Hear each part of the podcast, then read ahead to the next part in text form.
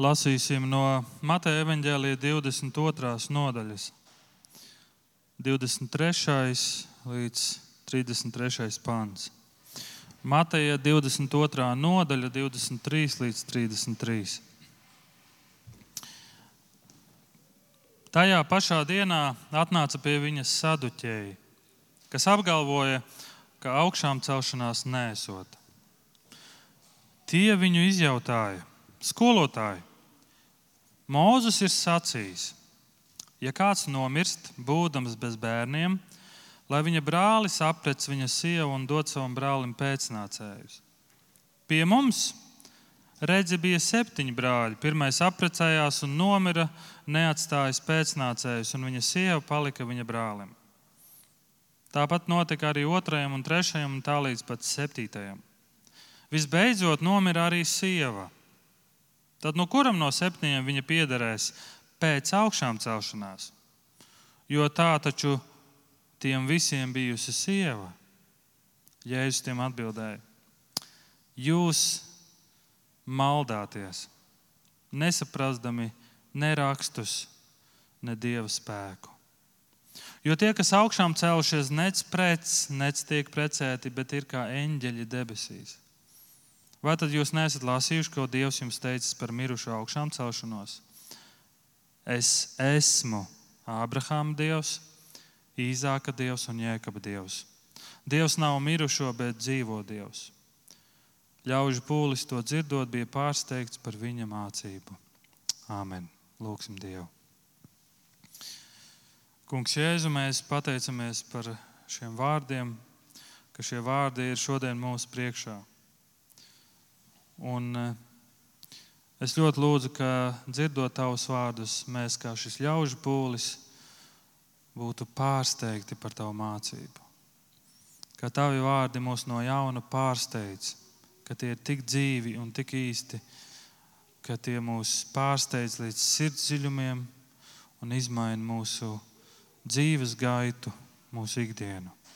Svētī lūdzu savu vārdu, svētī mūs kā draugu šeit šodien un pagodinies, es tavā vārdā to lūdzam. Āmen. Lūdzu, sēdieties. Labrīt, Vīlāns draugs un visi, kas eh, esat šeit. Eh, sveicu jūs Jēzus Kristus vārdā. Mani sauc Raimons un es esmu viens no šīs draudzes sludinātājiem. Un eh, šodienas rakstu vietas, jeb rakstu vieta, panti, par ko mēs domāsim, ir tie, kurus tikko nolasīju. Un tāpēc es aicinu, ka tu atšķir arī Mateja 22. nodaļu un uh, ik pa laikam iemet, iemet aci tur. Vai nu atšķir, vai ieslēdz savu bībeli.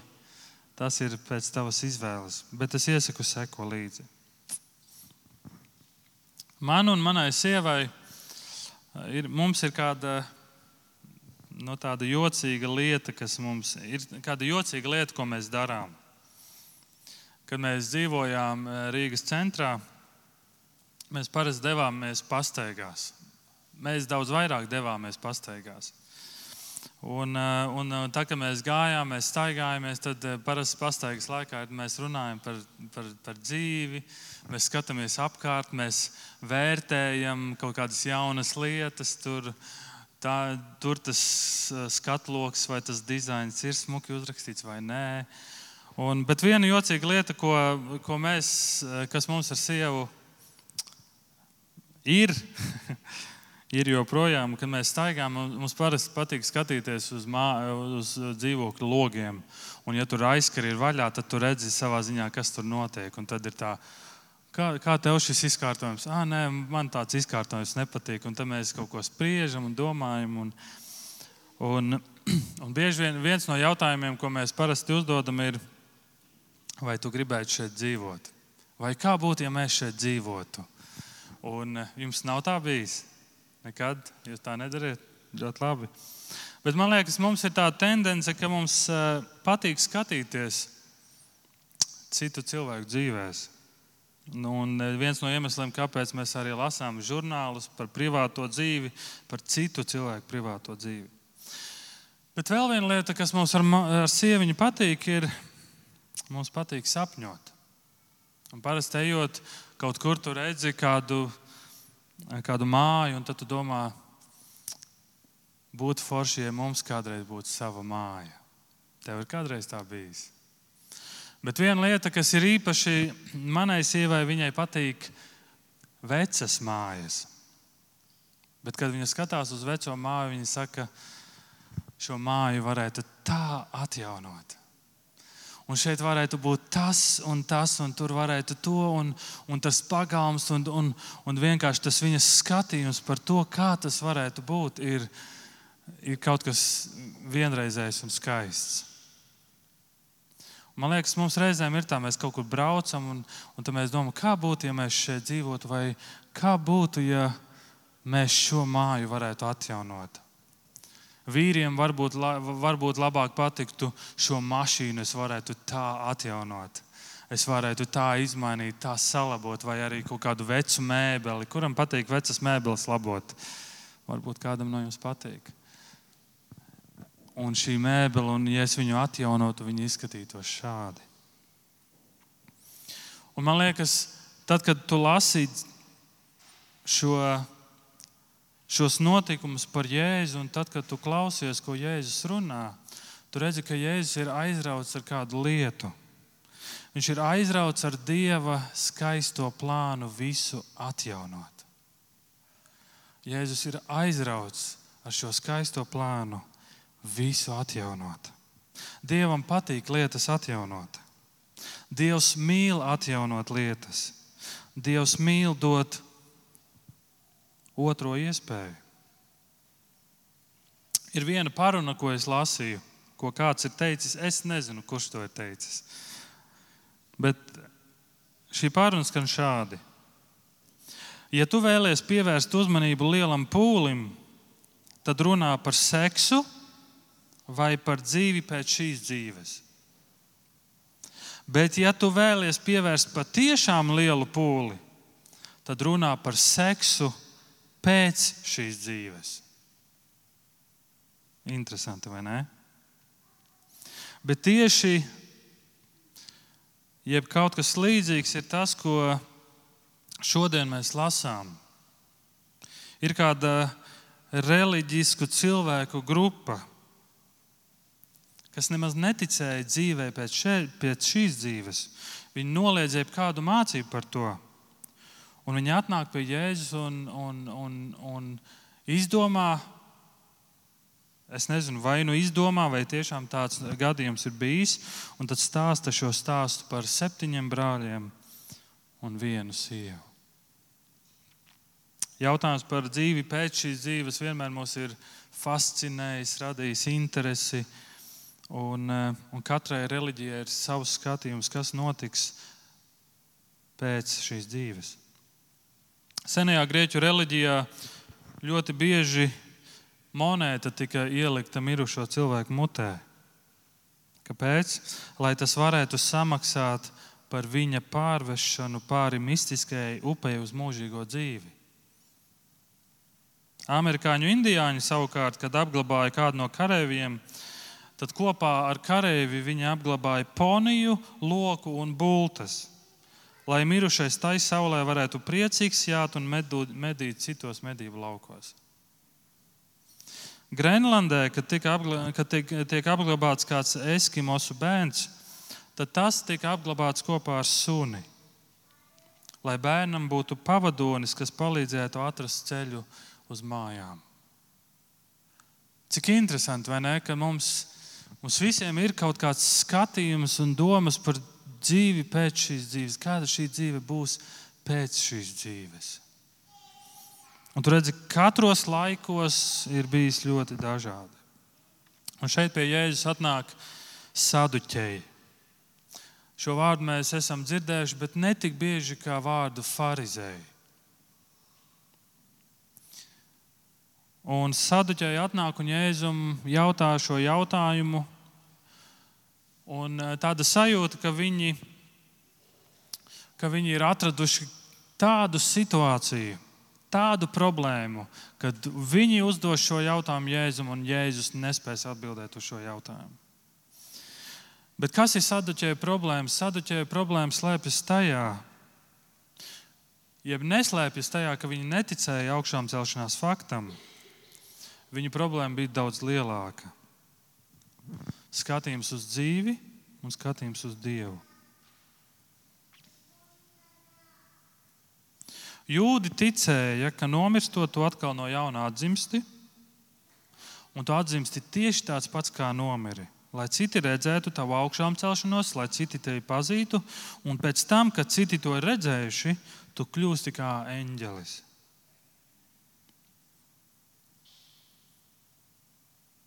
Bet, lasot Bībeli, tu skaidri redzi, ka ir dzīve pēc šīs dzīves. Vecajā darbā par to runāts, Jēzus par to daudz runā, ka ir dzīve pēc šīs dzīves. Un jūdu tautā bija dažādas ticīgo grupas. Četras, varbūt pat vairāk, bet četras, kuras es gribu minēt, bija farizēji, bija saduķeji, bija zēloti un bija esēni. Un viena no šīm grupām nepieņēma apgalvojumu, nepieņēma mācību par augšām celšanos. Un jūs zināt, kas šī bija par grupu? Tie bija saduķēji. Saduķēji bija ļoti maza cilvēku grupa. Ļoti bagāti cilvēki ar ļoti lielu ietekmi, Viņi bija tādi jūdaisma aristokrāti. Viņi nebija ļoti populāri cilvēku, cilvēku vidū, un cilvēkiem viņi nevisai patika. Pharizēji vairāk patika cilvēkiem, jo Pharizēji bija tuvāk tautai. Saduķējiem bija labas attiecības ar Romu un tās valdniekiem. Un saduķēji atzina tikai pirmās piecas mūža grāmatas, ko sauc par Toru. Neko citu viņi neatzina, tikai piecas mūža grāmatas. Un tas bija tas, uz ko viņi balstīja savu dzīvi. Tas bija tas, kam viņi ticēja un kam viņi piekrita. Un viņu ticība bija, viņu ticība bija tāda, ka viņi domāja, ka Dievs ik pa laikam iejaucas mūsu dzīves notikumos, ik pa laikam iejaucas lielā bildē tāda, ka Dievs ir atstājis desmit baušļus, lai mēs tos pildītu, un tad mēs nomirstam. Un kad mēs nomirstam, tad tavu vārdu nes nākamās paudzes. Tātad tālāk tu dzīvosi caur savu ģimeni un caur saviem pēcnācējiem. Un saduķēji ne tikai neticēja un ne tikai ne, noliedza augšām celšanos, bet augšām celšanās bija kaut kas bīstams. Augšām celšanās mācība apdraudēja šo ticības sistēmu. Tas var radīt problēmas ar romiešiem. Var sākties sacelšanās. Un sadiķēji sāk just šo bīstamību, un tad, tāpēc viņi nāk pie Jēzus, un tāpēc viņi arī Jēzu izaicina. Patiesībā mēs atrodamies brīdī, kad Jēzus ir ienācis Jeruzalemē. Pharizēji nāk un viņi izjautā. Jēzus ļoti labi atbild farizējiem. Un tagad saduķēji nāk un viņu izjautā. Un viņu mērķis ir, mēs gribam parādīt, ka Jēzus kļūdās. Un ja Jēzus kļūdās, tad tad viņam vairs nebūs sekotāji. Uz ko balstās šis strīds? Mūzis ir mācījis, un viņi runā par 5. mūža grāmatas 25. nodaļu, kur ir levirāta likums. Levīra vārds nozīmē laulību ar vīra brāli. Šis likums stājas spēkā, kad sievai vīrs nomirst un viņiem, un ja sievai, un ja šai ģimenei nav pēcnācēji, tad brālim ir jābūt tam, vai tuvākajam radiniekam ir jābūt tam, kurš apņem šo atraitni un turpina brāļa vārdu nest uz priekšu. Lai ģimene turpinās, lai zeme un mantojums nepazustu. Līkums, kas rūpējas par dzimtas vārdu, un par zemi, un lai vairošanās turpinātos. Mēs to varam lasīt vecajā derībā un eh, šos, no, šos notikumus. un, eh, un dažādas notikumus, kā šis likums izpaužas. Un lūk, uz šī likuma pamata saduķēji atnāk un saka, klausies, Jēzu, bija septiņi brāļi un viena sieva. Kas tad notiks pie augšām celšanās? Viņa ir bijusi ar visiem šiem brāļiem kopā. Jēzu. Kas tad ar viņiem notiks? Jo saduķēji domāja, ka augšām celšanās tu atgriezies tieši tāds pats, kā tu biji, un ka tās attiecības ir tieši tādas pašas. Bet kuram tad sieva viņam būs pēc tam? Saduķēji neticēja, ka nākotnē būs sots vai kāds apbalvojums. Nekāda nākotne, nekāda eksistence. Un tāpēc Jēzu viņi ļoti cenšas izaicināt. Bet Jēzus atbild uz šo situāciju. Ir saduķēji atnāk pie Jēzus un saka, Jēzu, un ar šo situāciju viņi grib pateikt, Jēzu, tu esi muļķis. Bet Jēzus atbild viņiem un saka, Jūs maldāties. Viņš saka, jūs maldāties. Ja es drīkstētu pārfrāzēt, ja es teiktu, jūs esat muļķi. Jūs esat muļķi, jūs paši sevi maldināt. Un kāpēc? Un ja es dodu divus iemeslus. Jūs nesaprotat rakstus, un jūs nesaprotat dieva spēku. Jūs nesaprotat rakstus, un jūs nesaprotat dieva spēku. Jūs maldāties. Un Jēzus dod saduķējiem kādu piemēru, un šis piemērs ir no otrās mūža grāmatas, trešās nodaļas. Saduķēji atnāk pie Jēzus un jautā par augšām celšanos. Par augšām celšanos runā vecā derība. Psalmi runā par augšām celšanos, Ijāba grāmata runā par augšām celšanos, Daniela grāmata runā par augšām celšanos, kas nāk. Bet saduķēji atzīst tikai pirmās piecas mūža grāmatas, un Jēzus ar tādu cieņu pret viņiem atnāk pie viņiem un saka par mūzu un degošo ērkšķu krūmu. Viņš nesaka, ka Jūsu problēma ir tāda, ka jūs neņemat vērā arī visu pārējo Bībeli. Bet viņš saka, ar cieņu pret viņiem, viņš saka, paskatīsimies piecās mūža grāmatās, vai tur ir runa par augšām celšanos. Un Jēzus dod šo piemēru, kas ir par mūzu un degošo ēkšķu, ēkšķu krūmu, kas ir otrā mūža grāmata, trešā nodaļa. Un par ko ir šis notikums? Dievs redz savas tautas bēdas un raudas Tauta ir zem Eģiptes varas, tāpēc Dievs aicina Mūzu, lai caur Mūzu, ar Mūzes palīdzību izvestu Izraēlu no Eģiptes zemes un darītu viņus brīvus. Un Mūzes jautā Dievs, ko es viņam teikšu, kas tu esi? Ko es tautai teikšu, kas tu esi? Un Dievs atbild, es esmu, kas es esmu. Viņš nav mirušo Dievs bet dzīvo Dievs, saka Jēzus. 32. pantā. Es esmu Ābrahāma Dievs, Īzāka Dievs un Jēkaba Dievs. Dievs nav mirušo, bet dzīvo Dievs. Dievs uz mūzu runā brīdī, kad Ābrahāms, Īzāks un Jēkabs jau ir miruši.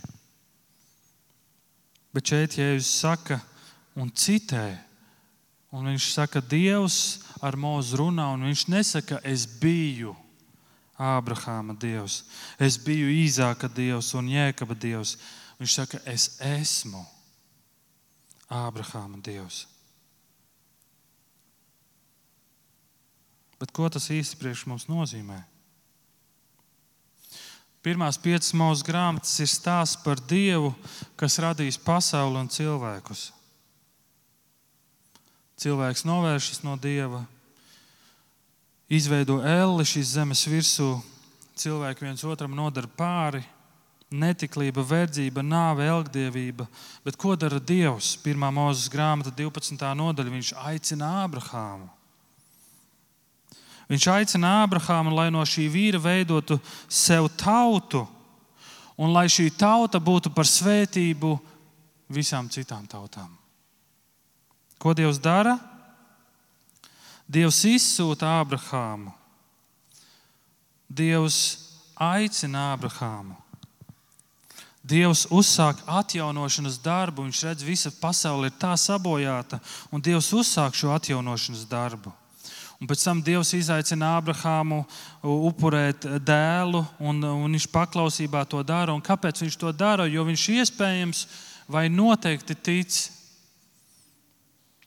ka Dievs spēja augšām celt.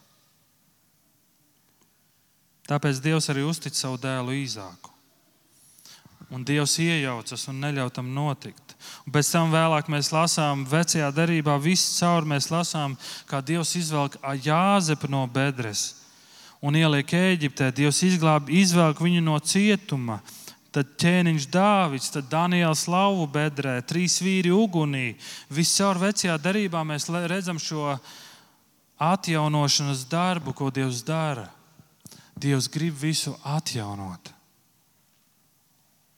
Un Dievs aicina Ābrahāmu un saka, un viņš uzsāk kaut ko jaunu, un viņš saka, es gribu svētīt visas tautas.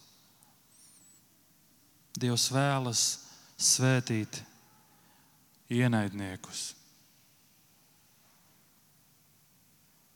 Būs jauna dzimšana, būs atjaunošana, būs augšām celšanās. Dievs saka, es esmu Ābrahāma Dievs. Dievs nav mirušo Dievs. Mirušie Dievu nepielūdz. Dievs ir dzīvo Dievs. Ja Dievs saka, es esmu dzīves Dievs, tad kādiem būtu jābūt Dieva cilvēkiem? Dzīviem. Un lūk, arī Jēzus ar šo norāda saduķējumu uz augšām celšanos lai viņi arī sen ir miruši, tomēr viņu gars ir dzīvs un ir kopā ar Dievu. Un Jēzus saka, jūs nezināt, jūs nesaprotat rakstus. Tāpēc jūs maldāties, jūs nezināt rakstus. Vai šajā pasaulē ir iemesls cerībai, vai šajā, šajā pasaulē ir iemesls nākotnē? Daudzi šo jautājumu uzdod. Vai ir jēga, vai ir cerība? Bet, ja ir cerība, tad šī cerība, tad šis iemesls mainīs daudzu cilvēku dzīves un izmainīs ļoti radikāli. Viņu skatījums uz pasauli mainīsies, un viņu attieksme pret līdzcilvēkiem mainīsies par 180 grādiem.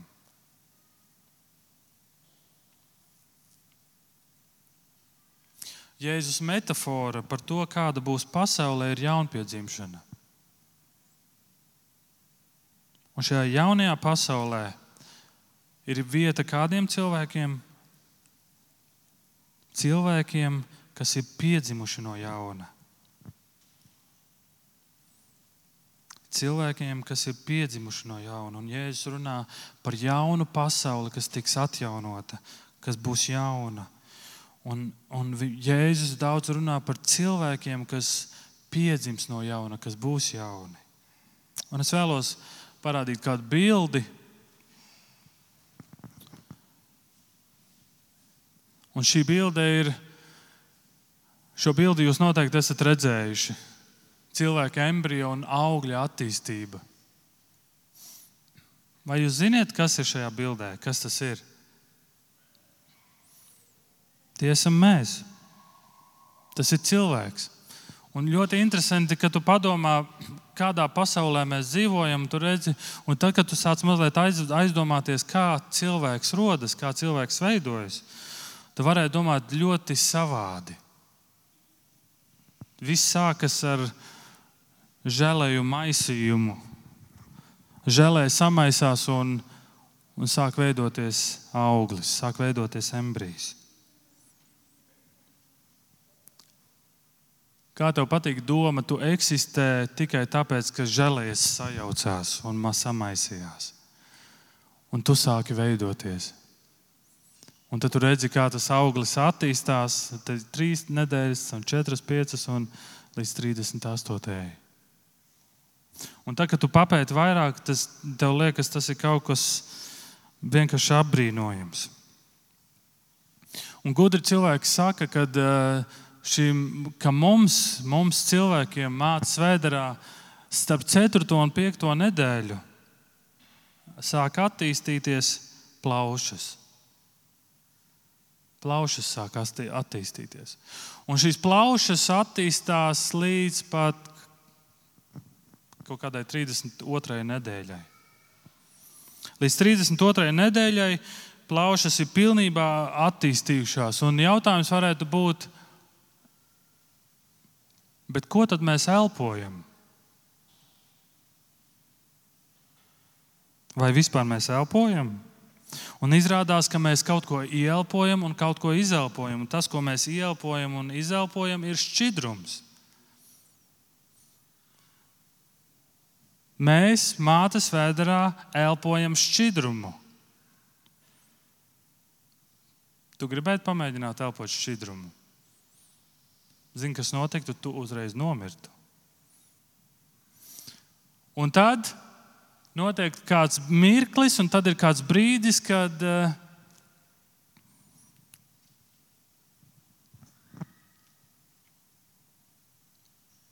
tad notiek tāds brīdis, kad mēs pēkšņi, kad mūsu plaušas no šī šķidruma attīrās, šķidrums vairs nav mūsu plaušās, un mēs pirmo reizi saņemam skābekli.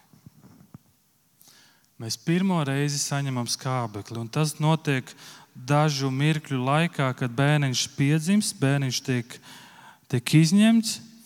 Un un pirmo reizi tu saņem skābekli savā plaušās. Vai tu zini, kas ir pirmā reakcija, kad tu to izdari? Tu kliedz. Mēs visi kliedzām. Mums sākumā bija pilns ar šķidrumu, bet pēc tam, kad mēs piedzimstam, tad ir tu pirmo reizi ielpo skābekli. Ap citu, tad, kad tu ielpoji un izelpoji šķidrumu, jautājums, kur tu dabūji skābekli? Un tā ir nabas saite. Un tad tu piedzimsti, un tad tu pirmo reizi ielpo, un pēkšņi plaušas pašas sāk elpot un eksistēt, un beidzot plaušas sāk pildīt to funkciju, kāda, kā, kāda, kādas ir, kāda ir jāpilda plaušām. Plaušas tāpēc ir dotas, lai mēs elpotu. Un nabas saite vairs nav vajadzīga. Un nabas saiti šņiks un nogriež. Jo tu pats sāc saņemt skābekli. Tad, kad es biju mācīts Svētdarā, es daudzas lietas nesapratu. Es daudzas lietas nezināju. Es nezināju, kas ir Star Wars, zvaigžņu kari, viena no manām mīļākajām filmām. Es nezināju, kas ir pizza. Man nebija ne jausmas, cik ļoti man patiks Star Wars. Man nebija ne jausmas, cik ļoti man garšos nu, pizza vai kādas citas. Man nebija ne jausmas. Un es daudz ko nesapratu.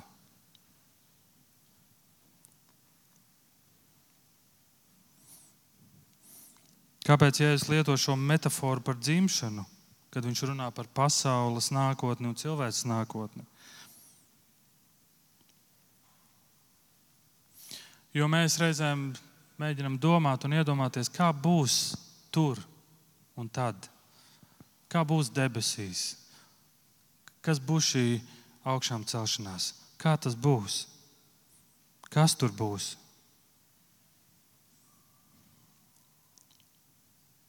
Mēs to nespējam līdz galam izprast. Bet, ja es runāju 30. pantā, Jo tie, kas augšām cēlušies, nec prec, nec tiek precēti, bet ir kā eņģeļi debesīs. Viņš saka, ka tagad jūs daudz lietas nesaprotat, bet farizēji jūs maldināt sevi, tāpēc ka jūs nezināt rakstus un nezināt Dieva spēku. Jūs nezināt, ko skaistu Dievs vēlas veidot.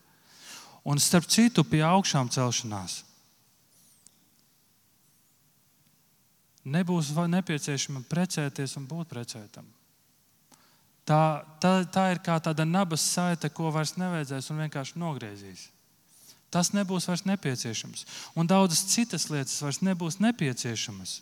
Jo tad, kad mēs piedzimsim, tad, kad mēs augšām celsimies, tad kādas lietas, kas ir mūsos, sāks pildīt to funkciju, kāpēc mēs esam paredzēti. Un sākumā mēs to nevaram saprast, mēs pat nevaram iedomāties. Bet tagad mēs domājam, mēs bijām embriji, mēs bijām mācību vēderā, un tagad, kad tu skaties un staigā pa šo pasauli, tu vari brīnīties un priecāties, cik šī pasaule ir skaisti un brīnišķīgi radīta. Vai ne? Cik es esmu brīnišķīgi un skaisti radīts. Precēšanās ir viena no lietām, kas nebūs nepieciešama jaunajā pasaulē. Jo jūs, jo mēs būsim līdzīgi eņģeļiem, mēs nebūsim eņģeļi, mēs būsim līdzīgi eņģeļiem. Un mums būs miesas, kur vairs nebūs slimības, nebūs sāpes, un, un mēs būsim citas būtnes, mēs būsim pārveidoti. Tā pārveidošana, ko Dievs veiks, tā pārveidošana, ko Dievs darīs, ir kaut kas neaprakstāms, ko Jēzus, par ko Jēzus ir aizrauts runājot.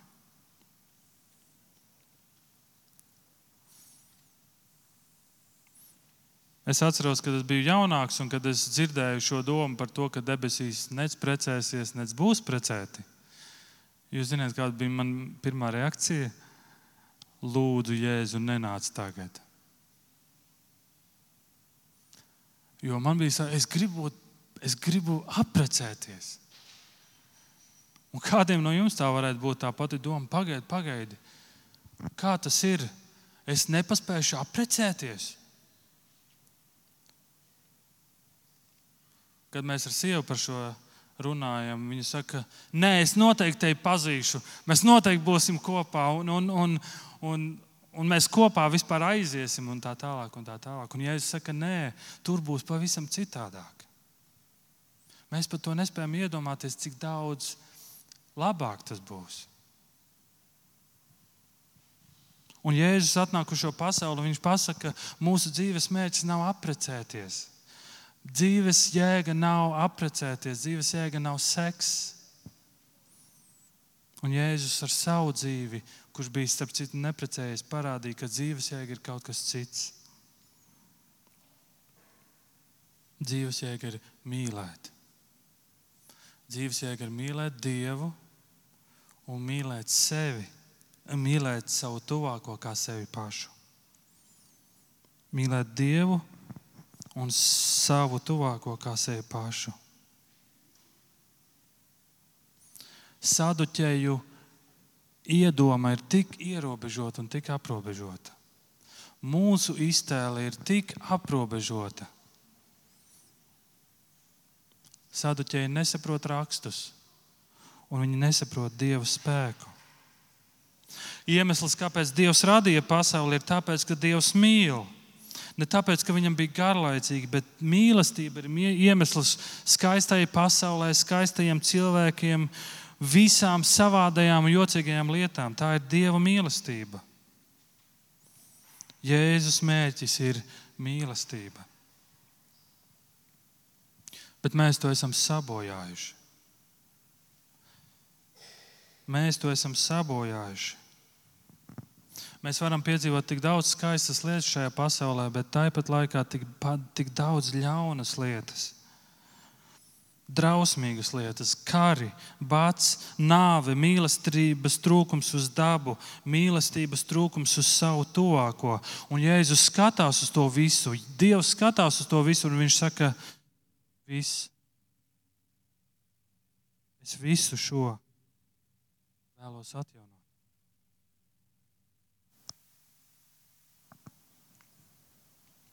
Dievs saka, es visu vēlos darīt jaunu. Es visu vēlos atjaunot. Manas spējas mīlēt ir ierobežotas. Es mīlu savu sievu, ļoti mīlu. Es mīlu savas meitiņas, es mīlu savu ģimeni, lielāko ģimeni, un tad ir kolēģi darbā, un tad ir kādi tuvākie draugi. Un, un un ir draudzene, bet ar to jau kļūst grūtāk, jo mēs paliekam daudz. Un tad, kad tas lokus kļūst lielāks, tu sāc saprast, es nespēju visus mīlēt. Es nespēju visus mīlēt. Bet iedomājies pasauli, kurā šīs robežas tiek noņemtas. Iedomājies pasauli, kur visi jūtas pieņemti. Iedomājies pasauli, kur katra dzīvība tiek augsti vērtēta, kur katrs jūtas piederīgs, kur katram ir vieta un katrs tiek mīlēts. Iedomājies, ka tev būtu tādas spējas sniegt mīlestību visiem. Vai tas neizklausās iespaidīgi? Tu spēj mīlēt visus vienādi un pilnīgi. Bet mēs esam ierobežoti. Bet kaut ko no tā mēs varam pagaršot. Mēs varam pagaršot, kad paklausām tam, ko Jēzus saka. Viņš saka, mīli savu tuvāko kā sevi pašu. Kāpēc Jēzus nāk uz šo pasauli? Kāpēc viņš nāk uz Jeruzalemi? Kāpēc viņš tiekās ar farizējiem un saduķiem? Kāpēc Jēzus iet cauri šīm ciešanām? Kāpēc viņš grib sastapt to, ar ko viņš sastapsies? Ciešanas, nodevība, sitieni, mokas, izsmiekli un krusta nāve. Jēzus to dara, jo viņš mīl mūs, viņš mīl tēvu un viņš mīl to tēva plānu, ko viņš ir ieplānojis. Visu darīt jaunu, visu atjaunot. Jāņa 3.16. Jo tik ļoti Dievs pasauli mīlējis, ka Viņš devis savu vienpiedzimušo dēlu, lai neviens, kas viņam tic, nepazustu, bet iegūtu mūžīgo dzīvību. Tik ļoti Dievs mīl, ka Viņš grib visu atjaunot. Viņš grib redzēt atjaunotu pasauli un cilvēkus, kas ir piedzimuši no jauna. Kad Jēzus runā par augšām celšanos, viņš nerunā tikai par nākotni, kaut kas, kas būs nākotnē.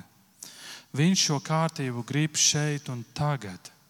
Viņš debesu valstību ir atnesis šeit, uz šo, šo pasauli. Viņš visu ir izdarījis, lai mēs spētu nobaudīt mazliet no tā, kas būs nākotnē.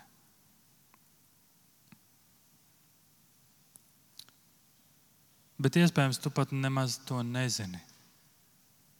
Iespējams, tu nezini neko no tā un nesaproti, jo tu nepazīsti rakstus. Tev tas neko neizsaka, jo tu nepazīsti rakstus.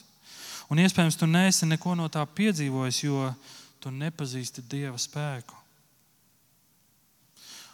Un šodien mums visiem ir jāspēr šis ticības solis. Kādiem no mums tas ir ticības solis šajā jaunajā pasaulē, ticot, ka Jēzus ir nomiris par mani. Un Jēzus ir augšām cēlēs manis un tevis dēļ. Un ka tava dzīvība ir viņa rokās. un ka Jēzus ir stiprāks par nāvi. Un tev ir jāspēr šis ticības solis šajā jaunajā pasaulē, un jāuzticas Jēzum, un jāsaka, jā, Jēzus ir miris par maniem grēkiem. Viņam bija jāmirst, jo citādāk es no saviem grēkiem netiktu vaļā. Un iespējams, tev tieši šodien šis solis ir jāspēr. Un jāuzticas pilnībā tam, ko Jēzus ir izdarījis, un tam, ko Viņš grib ar tevi darīt. Kā Viņš grib izmainīt tavu dzīvi, kā Viņš vēlas tevi atjaunot.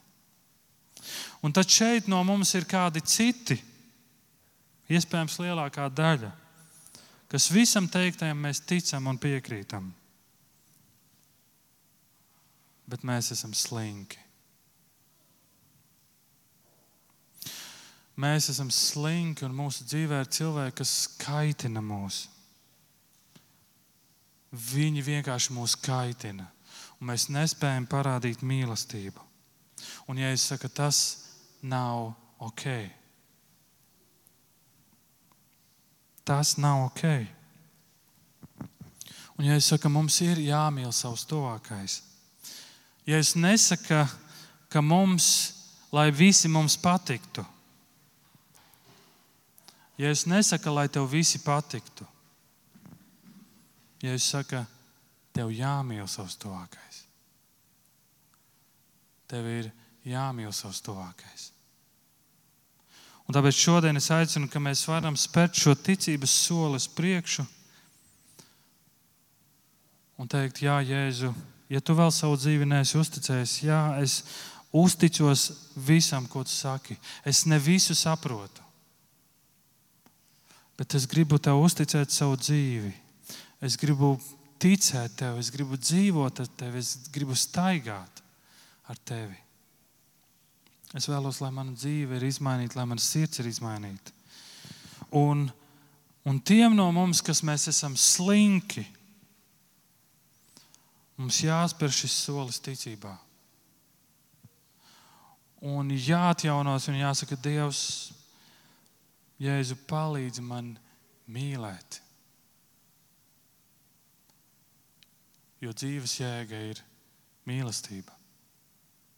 Dzīves jēga ir Dievs, kas ir mīlestība. Mīlestība uz Dievu un mīlestība uz savu tuvāko.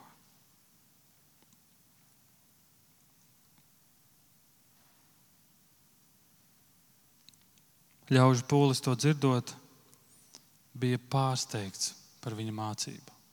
Saduķēja apklusa, viņam nebija ko vairs teikt, bet visi ļaudis, kas to dzirdēja, bija pārsteigti. Kad tu pēdējo reizi esi bijis pārsteigts par to, ko Jēzus saka? Pārsteigts par Jēzus vārdiem, no jauna apbrīnojot to, ko viņš saka. Lūksim Dievu!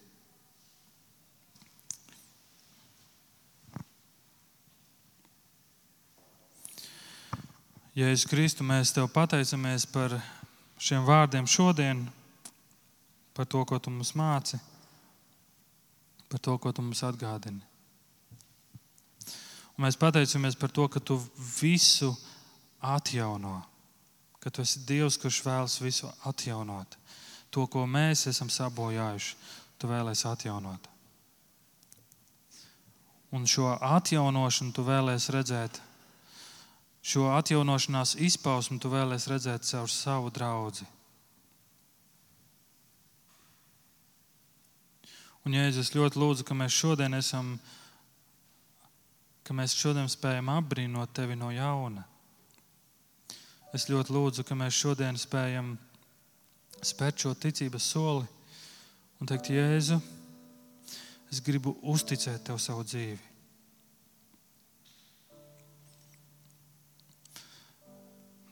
Ja kāds no mums šeit esam kā saduķēji, kas domā, ka viss, kas šajā dzīvē ir, tikai šeit, un ka dzīve pēc šīs dzīves nemaz neeksistē. Lai Dievs tev ir žēlīgs. Sauc uz viņu. Sauc uz viņu, Jēzu, glāb mani. Jo šī dzīve nav viss, kas šeit ir. Jēzus, mēs nepaļaujamies uz tevi tikai šajā dzīvē, mēs paļaujamies uz tevi arī dzīvē, kas būs pēc šīs dzīves dod mums šīs ilgas. Ilgas pēc tevis, ilgas gaidīt to, ko tu vēl darīsi. Ka mēs esam pārņemti kā mācekļi, kad Jēzu viņi ieraudzīja, ka tu esi augšām cēlies, viņu dzīves tik radikāli izmainījās. Viņi drosmīgi gāja un sludināja augšām celšanos. Tik daudz mēs nesaprotam, tik daudz mēs nezinām. Bet augšām celšanās ir kaut kas daudz, daudz skaistāks, kā mūsu prāts spēja aptvert. Bet mēs maldāmies, jo mēs nepaz, nesaprotam rakstus un nesaprotam tavu spēku. Bet tavs spēks ir daudz lielāks. Tu spēj radīt daudz skaistākas lietas. Maini mūsu un tiem no mums, kas mēs ticam, jeb sakām, ka ticam. Ak, piepild mūsu sirdis ar savu mīlestību, ka mēs spējam mīlēt tā, kā tu jēdzi mīlēji. Tavā vārdā to lūdzu. Amen.